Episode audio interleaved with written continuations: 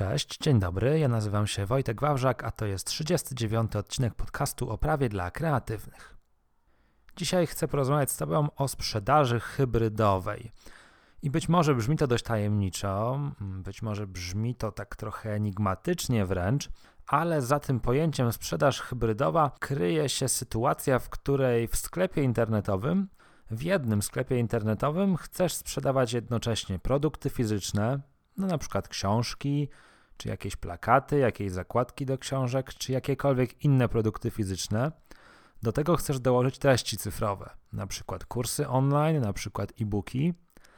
A żeby było mało, idąc za ciosem, chcesz jeszcze dołożyć usługi, takie jak na przykład konsultacje online, czy też konsultacje stacjonarne, szkolenia stacjonarne, czy jakiekolwiek inne usługi, które świadczysz, a które chciałbyś sprzedawać poprzez swój sklep. I bardzo często pytają mnie klienci, czy to jest w ogóle możliwe, mm, czy da się tak zrobić zgodnie z prawem. Tutaj odpowiedź brzmi tak, oczywiście. Jak najbardziej jest to możliwe, nie ma żadnych przeciwwskazań, żeby w jednym sklepie internetowym sprzedawać różne produkty, różne treści cyfrowe, różne usługi. Prawo tutaj nie stoi w opozycji do takich działań, jak najbardziej możesz taki pomysł zrealizować. Natomiast większość tych pytań, które dostaję w tym zakresie, związane są z gotowymi pakietami, które oferuję w swoim blogowym sklepie. Znajdujesz tam pakiet dla sklepów internetowych, znajdujesz tam również pakiet dla sprzedawców produktów elektronicznych. No i są to pakiety, które są dedykowane albo sprzedawcom produktów fizycznych, albo tym, którzy mają w swojej ofercie wyłącznie treści cyfrowe. I spora część klientów pyta, co w sytuacji, w której chcieliby łączyć sprzedaż i produktów, i treści cyfrowych, i usług, czy jest jakiś pakiet dla nich. Bardzo długo takiego pakietu nie było.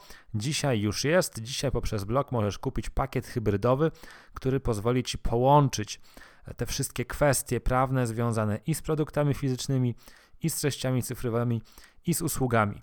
Pakiet jest dodatkiem do podcastu. Podcast i artykuł jak zwykle są nieodpłatne. Nieodpłatny jest również inny dodatek do artykułu. Całkowicie nieodpłatnie możesz uzyskać dostęp do zaleceń wdrożeniowych, czyli takiego dokumentu, w którym opisuje najważniejsze kwestie, jakie powinny zostać w sklepie internetowym uwzględnione żeby działać zgodnie z prawem. Checkboxy, klauzule informacyjne, stopki, zakładki w sklepie to wszystko w ramach zaleceń. Jeżeli jesteś subskrybentem mojego newslettera, to taki dokument już jest u Ciebie na poczcie. Jeżeli jeszcze jesteś niezapisany, to w tym momencie zachęcam Cię do zapisu. W notatkach tego odcinka znajduje się link, możesz tam kliknąć, przejść do formularza rejestracyjnego zapisać na newsletter i jako prezent powitalny otrzymać właśnie te zalecenia dla sprzedawców hybrydowych. A przechodzimy teraz płynnie do tego naszego głównego tematu dzisiejszego spotkania, czyli właśnie tego, na co zwrócić uwagę, gdy myślisz o takiej sprzedaży hybrydowej. Tak jak już wspomniałem, punkt wyjścia jest taki, że jak najbardziej taka sprzedaż hybrydowa prowadzona być może, jak najbardziej jest to możliwe, nie ma przeciwwskazań prawnych choć niekiedy mogą być pewne przeciwwskazania takie marketingowe, efektywnościowe. Ja jestem gorącym zwolennikiem patrzenia na prawo nie tylko przez pryzmat przepisów, ale również przez pryzmat taki biznesowy, marketingowy, wizerunkowy. I często może okazać się tak, że mimo tego, że będziesz oferował różne produkty, różne treści cyfrowe, różne usługi, to dużo lepiej marketingowo będzie sprawdzać się oddzielny landing page dla poszczególnych produktów czy usług, na które chciałbyś zwrócić szczególną uwagę. No i takie rozwiązanie oczywiście również jest możliwe. Część z moich klientów właśnie w ten sposób działa. Tworzą landing page promocyjne pokazujące konkretne produkty, żeby nie rozpraszać uwagi odbiorcy, a wręcz odwrotnie, skupiać ją na tym, co jest w tej chwili najważniejsze. Natomiast już sam mechanizm zamówienia odbywać poprzez sklep. I ten sklep de facto jest jeden, jeden mechanizm składania zamówienia, jeden formularz, jedna baza. Po prostu landingi prowadzą ruch do tego sklepu. No i w tym sklepie wiadomo, musi być regulamin, musi być polityka prywatności, muszą być odpowiednie klauzule związane z przetwarzaniem danych osobowych. Musi być tak naprawdę to wszystko, co w każdym innym sklepie internetowym. I to jest taka najważniejsza uwaga, że sprzedaż hybrydowa tak naprawdę rządzi się analogicznymi zasadami jak każda inna sprzedaż internetowa. Wdrożenie prawne na jakiejś sprzedaży hybrydowej również przebiega według takiego samego modelu, czyli zaczynamy od zaprojektowania treści prawnych na stronach sklepu, odpowiednich checkboxów, odpowiednich treści klauzul, Tworzymy regulamin, tworzymy politykę prywatności, dodajemy również formularze na stronę, formularz odstąpienia od umowy, formularz reklamacyjny, no i na samym końcu robimy taki audyt końcowy, żeby być już pewnym, że rzeczywiście ten sklep zgodnie z prawem można wypuszczać. Na blogu wielokrotnie podejmowałem tematykę wdrożenia prawnego sklepu. Na blogu znajdziesz e, chociażby artykuł poświęcony regulaminowi sklepu, w którym możesz krok po kroku prześledzić, co w takim regulaminie musi się znaleźć i jak taki regulamin należy przygotować, żeby był zgodny z prawem. Nie będę podczas dzisiejszego odcinka bardzo szczegółowo opowiadał o każdym paragrafie regulaminu, bo taki materiał już jest. Natomiast dzisiaj będę chciał zwrócić Twoją uwagę na takie pewne odrębności, na które rzeczywiście warto byłoby zwrócić uwagę, gdy mówimy akurat o sprzedaży hybrydowej. Jedną z takich odmienności jest rodzaj umowy zawieranej przez sklep. Jeżeli w Twoim sklepie są produkty fizyczne, no to kupujący zawiera stałą umowę sprzedaży. W sytuacji, w której w Twoim sklepie są treści cyfrowe, no na przykład kursy online, kupujący zawiera stałą umowę o dostarczenie treści cyfrowych. Natomiast jeżeli w Twoim sklepie dostępne są usługi, konsultacje, szkolenia, no to kupujący zawiera stałą umowę o świadczenie usług. Czyli jak widzisz, mamy trzy różne rodzaje umowy, jaką kupujący może z Tobą zawrzeć, no i powinno mieć to odzwierciedlenie w regulaminie sklepu. W notatkach do tego odcinka, link oczywiście w opisie, Znajdziesz przykładowe postanowienia w regulaminie, mm, do zawarcia w regulaminie, również te postanowienia dotyczące rodzaju zawieranej umowy. Możesz kliknąć, możesz nieodpłatnie sobie na stronie podejrzeć takie postanowienia, a szablon całości regulaminu dostępny jest w tym pakiecie dla sprzedawcy hybrydowego. Teraz pominięcie w regulaminie tego rodzaju umowy zawieranej przez kupującego no nie będzie jakimś wielkim błędem, bo tak czy siak rodzaj tej umowy wynika z okoliczności. Jeżeli ktoś doda do koszyka treść cyfrową, mamy umowę o dostarczenie treści cyfrowej. Jeżeli produkt fizyczny, umowę sprzedaży. Jeżeli usługę, umowę o świadczenie usług. Natomiast taki profesjonalny regulamin nie powinien w tym zakresie milczeć, rzeczywiście powinien wprost wskazywać na to, jaka umowa zostanie zawarta, na chwilę zawarcia tej umowy, na zobowiązania stron. Dlatego warto nie pominąć w swoim regulaminie sprzedaży hybrydowej takiego wątku, jakim jest rodzaj zawieranej umowy. Na pewno trzeba również zwrócić uwagę na taką odrębność w zakresie sposobu realizacji zamówienia. I tu znowu jest to dość intuicyjne, no bo przecież y, każdy produkt będzie troszeczkę inaczej realizowany. Jeżeli ktoś zamawia produkt fizyczny, no to po prostu spakujesz przesyłkę i nadasz do niego taką przesyłkę. Jeżeli ktoś zamawia treść cyfrową, no to wiadomo, żadnej przesyłki fizycznej nie będzie. Po prostu będzie link z jakimś instrukcją dostępu do, tego, do tej treści cyfrowej, czy z instrukcją pobrania pliku na dysk. W przypadku usługi również przesyłki fizycznej nie mamy. Najczęściej nie mamy również żadnego linku. Po prostu mamy w jakiś sposób tą usługę realizowaną. Czy to spotykamy się na konsultacji na żywo, czy też spotykamy się przez Skype'a, przez Zooma, czy też odbywa się szkolenie stacjonarne, w jakim terminie ono się odbywa, na jakich zasadach można w nim wziąć udział, kto ponosi koszty dojazdu, czy można zmienić dane uczestnika. To wszystko powinno znaleźć się w regulaminie, tak żeby z tego regulaminu wynikało, jak poszczególne zamówienia, jak poszczególne rodzaje umowy będą realizowane. Im bardziej szczegółowo, tym lepiej. I tutaj znowu na blogu, w artykule znajdziesz przykłady postanowień regulaminowych, którymi możesz się zainspirować, które możesz wykorzystać przy swoim regulaminie. Natomiast w pakiecie znajdziesz już komplet takich postanowień po prostu gotowych do wykorzystania. Jeżeli chodzi o te odmienności, na pewno musimy porozmawiać sobie chwilkę o prawie do odstąpienia od umowy. No, prawo do odstąpienia od umowy to jest tak zwane konsumenckie prawo zwrotu. Jeżeli prowadzimy sprzedaż produktów fizycznych, to ten temat jest dla nas dość oczywisty, naturalny, intuicyjny. Przyzwyczailiśmy się już, że kupując chociażby parę spodni, możemy ją potem zwrócić w ciągu 14 dni od objęcia tych spodni w, w posiadanie przez nas. I znowu, prawo do odstąpienia od umowy, mimo że kojarzone z produktami fizycznymi, potencjalnie występuje również i przy treściach cyfrowych, i przy usługach. O odstąpieniu od umowy w kontekście treści cyfrowych i w kontekście usług pisałem już szczegółowo w ramach odrębnych artykułów na blogu. Na blogu oczywiście znajdziesz linki do tych materiałów, żebyś mógł się z nimi zapoznać, jeżeli będziesz chciał. Ja tylko tutaj powiem, że zarówno w przypadku treści cyfrowych, jak i usług nadal istnieje możliwość odstąpienia od umowy przez konsumenta i warto, żebyś przygotował się na taką ewentualność, czyli wyłączył to prawo do odstąpienia od umowy. I zarówno w przypadku treści cyfrowych, i zarówno w przypadku usług jest to możliwe, natomiast trzeba wprowadzić do formularza zamówienia stosownej treści checkboxy. Treści tych checkboxów konkretne do wykorzystania znowu dostępne są na blogu w wersji tekstowej, bo wychodzę z założenia, że tak łatwiej je przyswoić, tak łatwiej je wykorzystać, niż bym je teraz tutaj odczytywał e, w czasie naszego spotkania audio. Tutaj w tym miejscu myślę też, że warto też znowu przemycić taki element biznesowy, a nie tylko prawny. Mianowicie ja mam wrażenie, że wielu takich wchodzących graczy na rynek, początkujących sprzedawców, którzy chcą świadczyć usługi online'owo bądź chcą sprzedawać treści cyfrowe, ma taką obawę, że ci konsumenci będą masowo korzystać z tych uprawnień do odstąpienia od umowy. Tymczasem praktyka pokazuje, że tych odstąpień tak naprawdę jest całkiem niewiele.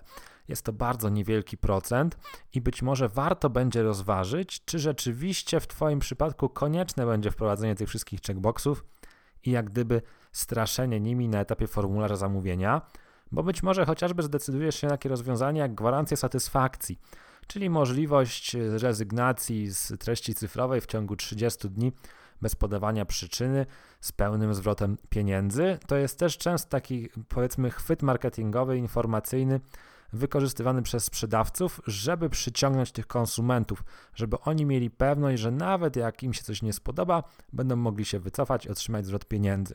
Początkującym sprzedawcom często wydaje się, że to jest jakiś gwóźdź do trumny, że teraz wszyscy będą ich oszukiwać. Tymczasem naprawdę są to niewielkie odsetki tych odstąpień od umowy, tych gwarancji satysfakcji, które można wziąć na klatę i spokojnie przeżyć. Tu do Twojej rozwagi pozostawiam to, czy będziesz chciał wprowadzać wyłączenie od do odstąpienia od umowy, czy może zaakceptujesz taki fakt, że ktoś będzie mógł odstąpić od umowy. To jest trochę taka kwestia polityki biznesowej przyjętego przez Ciebie podejścia. Jeżeli chodzi o kwestie prawne, jeżeli chodzi o ten regulamin, to w nim tak naprawdę można opisać każde z tych podejść. Jak sobie zamarzysz, tak my to opiszemy. Oczywiście opiszemy to w ramach możliwości prawnych. I tutaj uczulam przy tych kwestiach związanych z odstąpieniem od umowy, że sprzedawcy często mają taką pokusę, żeby formułować te postanowienia wyłączające prawo do odstąpienia od umowy w jakiś sposób inny, bardziej inwazyjny niż to jest przewidziane w, ustawach o prawie, w ustawie o prawach konsumenta. Tu ważna uwaga, że ta ustawa o prawach konsumenta jest w tym zakresie takim prawem bezwzględnie obowiązującym i nie można sobie tego zmieniać. Jeżeli my chcemy posługiwać się wyłączeniami od prawa do odstąpienia od umowy, korzystajmy z tej formuły, która jest wprost w artykule 38 ustawy o prawach konsumenta przewidziana. Nie wprowadzajmy żadnych odrębności, żeby nie wpakować się na minę, żeby nie pozawierać w swoim regulaminie klauzul niedozwolonych. Jeżeli nigdy wcześniej nie spotkałeś się jeszcze z artykułem 38 ustawy o prawach konsumenta, no to odsyłam na blog Odsyłam tego artykułu, który jest związany z tym podcastem. Znajdziesz tam całą treść tego artykułu, będziesz mógł prześledzić te sytuacje, w których to konsumenckie prawo zwrotu nie będzie miało zastosowania. Zachęcam i polecam. Jeżeli chodzi o tą gwarancję satysfakcji, o której wspomniałem przed chwilką, to z nią wiąże się również w pewien sposób temat reklamacji. I reklamacje to jest coś, co znowu jest pewną odmiennością w przypadku sprzedaży hybrydowej i myślę, że warto też kilka słów o tym sobie opowiedzieć. Mianowicie reklamacje dotyczące produktów fizycznych są stosunkowo proste. Wszyscy już się przyzwyczailiśmy, jak one działają. No albo rzeczywiście jakaś wada była w produkcie, albo użytkownik wadliwie korzystał nieprawidłowo i nie uznajemy reklamacji. Większość sprzedawców radzi sobie dość płynnie z reklamacjami dotyczącymi produktów fizycznych, natomiast pewne problemy pojawiają się przy treściach cyfrowych. No bo może się zdarzyć tak, że ktoś na przykład napisze do ciebie, że ten kurs online, który kupił, no to generalnie jest słaby, on uważa go za wadliwy, w związku z tym żąda zwrotu pieniędzy. No i teraz oczywiście powstaje pytanie, jak ocenić wadliwość takiej treści cyfrowej. Kiedy możemy powiedzieć, że kurs online jest wadliwy, że e-book jest wadliwy, a kiedy, że nie jest wadliwy?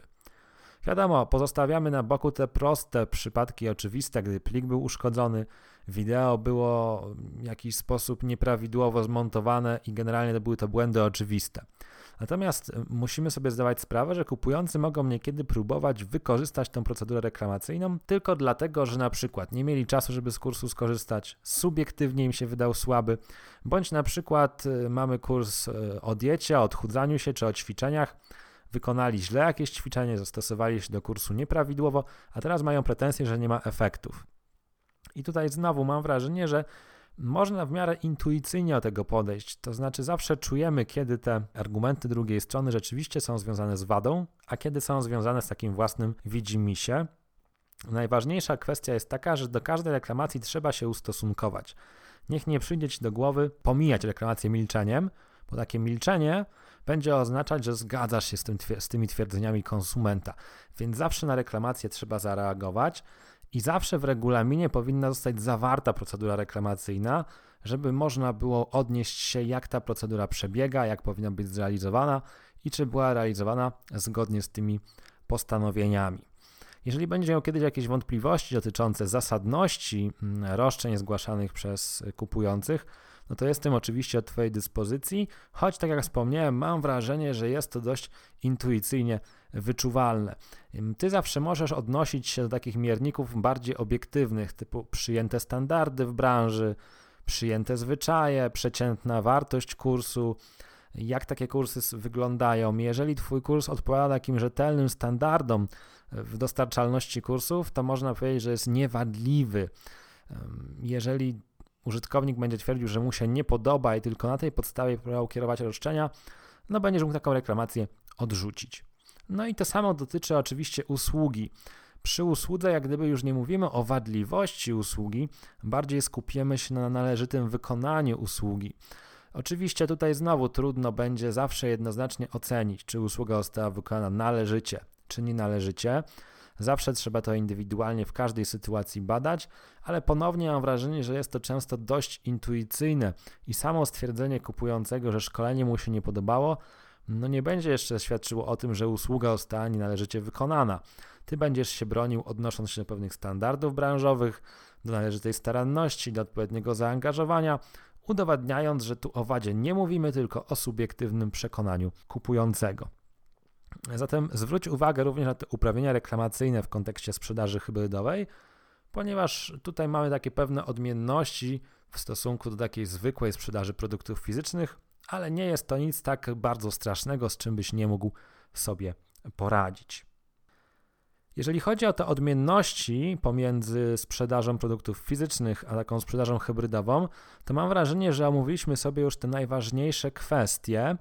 Tak jak wspomniałem, jak gdyby sprzedaż hybrydowa nie rządzi się żadnymi szczególnymi prawami. To jest dokładnie ten sam schemat postępowania jak przy innych sklepach, przy czym rozszerzamy postanowienia regulaminowe E, o dodatkowe kwestie związane z reklamacjami, z uprawnieniami do odstąpienia od umowy, z rodzajem zawieranej umowy, ze sposobem realizacji zamówienia. Pozostałe kwestie regulaminowe są tak naprawdę zbieżne. Zbieżne są kwestie związane z danymi osobowymi, z polityką prywatności, e, ze zmianami w regulaminach, z usługami świadczonymi drogą elektroniczną. Dlatego w tym zakresie, w tym materiale o tym nie opowiadam, żeby Cię nie zanudzić i nie przeciążyć wiedzą, ale jeżeli będziesz chciał, taka wiedza dostępna jest na blogu, znajdziesz odnośniki do konkretnych tekstów, gdzie konkretne zagadnienia omawiam. W charakterze podsumowania naszego dzisiejszego spotkania powiem jeszcze raz: sprzedaż hybrydowa jak najbardziej jest możliwa. Możesz w ramach jednego sklepu sprzedawać i produkty fizyczne, i treści cyfrowe, i usługi. Prawo tutaj nie daje żadnych przeciwwskazań. Warto pamiętać o pewnych odrębnościach warto skupić się na tym, żeby regulamin rzeczywiście indywidualnie dopasowywał się do tej sprzedaży hybrydowej. Warto wdrożyć wszystkie zalecenia związane z treściami na stronie, z checkboxami, z klauzulami informacyjnymi, z zakładkami, z opisami produktów. To wszystko, jeżeli chodzi o te zalecenia, znajdziesz w nieodpłatnym dodatku do tego materiału. Kliknij w link, zarejestruj się do newslettera, a jako prezent powitalny otrzymasz właśnie takie kompletne zalecenia dla sprzedawcy hybrydowego. Jeżeli nie masz natomiast czasu samodzielnie zajmować się swoim sklepem, e, chcesz oszczędzić czasu, problemów i zmartwień, no to zapraszam Cię po pakiet hybrydowy. Jest taki komplet dokumentów prawnych, które możesz wykorzystać ruszając ze swoim sklepem w modelu hybrydowym. Pakiet dostępny jest w dwóch wersjach: Basic i Premium. Basic regulamin i polityka prywatności, Premium również kwestie wewnętrzne związane z danymi osobowymi. Na stronie jest wszystko szczegółowo opisane, dlatego nie będę w tej chwili Cię zanudzał. Jeżeli będziesz chciał, zerkniesz, jeżeli nie, również w porządku. Dziękuję Ci za uwagę. Cieszę się, że odsłuchałeś kolejny odcinek podcastu Prawo dla Kreatywnych. Był to odcinek 39. Zbliżamy się do okrągłej liczby 40. Bardzo się cieszę z tego powodu, bo często się słyszy, że podcasty kończą się na siedmiu, siedmiu odcinkach. Mój na siedmiu odcinkach się nie skończył. Prawo dla kreatywnych będzie działać dalej jak najbardziej. Jeżeli masz jakieś sugestie dotyczące tematów, które mógłbym poruszyć w podcaście, pisz do mnie śmiało. Jestem do ciebie, dla Ciebie dostępny pod adresem kontakt małpawojciechwawrzak.pl. Jeżeli podobał Ci się ten odcinek, pokaż go światu, udostępnij go innym osobom, które mogą być zainteresowane sprzedażą hybrydową. Zostaw również ocenę w iTunes czy w swojej aplikacji podcastowej, z której korzystasz. Dodaj, ile gwiazdek uważasz za słuszne, napisz kilka słów. To jest zawsze bardzo miłe, zawsze napędza dalszego działania. Życzę Ci powodzenia z Twoją sprzedażą hybrydową. Odsyłam do materiału blogowego, który jest uzupełnieniem tego odcinka podcastu. Mam nadzieję, że ten odcinek był dla Ciebie przydatny. Wielkie dzięki za uwagę. Trzymaj się ciepło. Do usłyszenia w kolejnym odcinku. Cześć, cześć.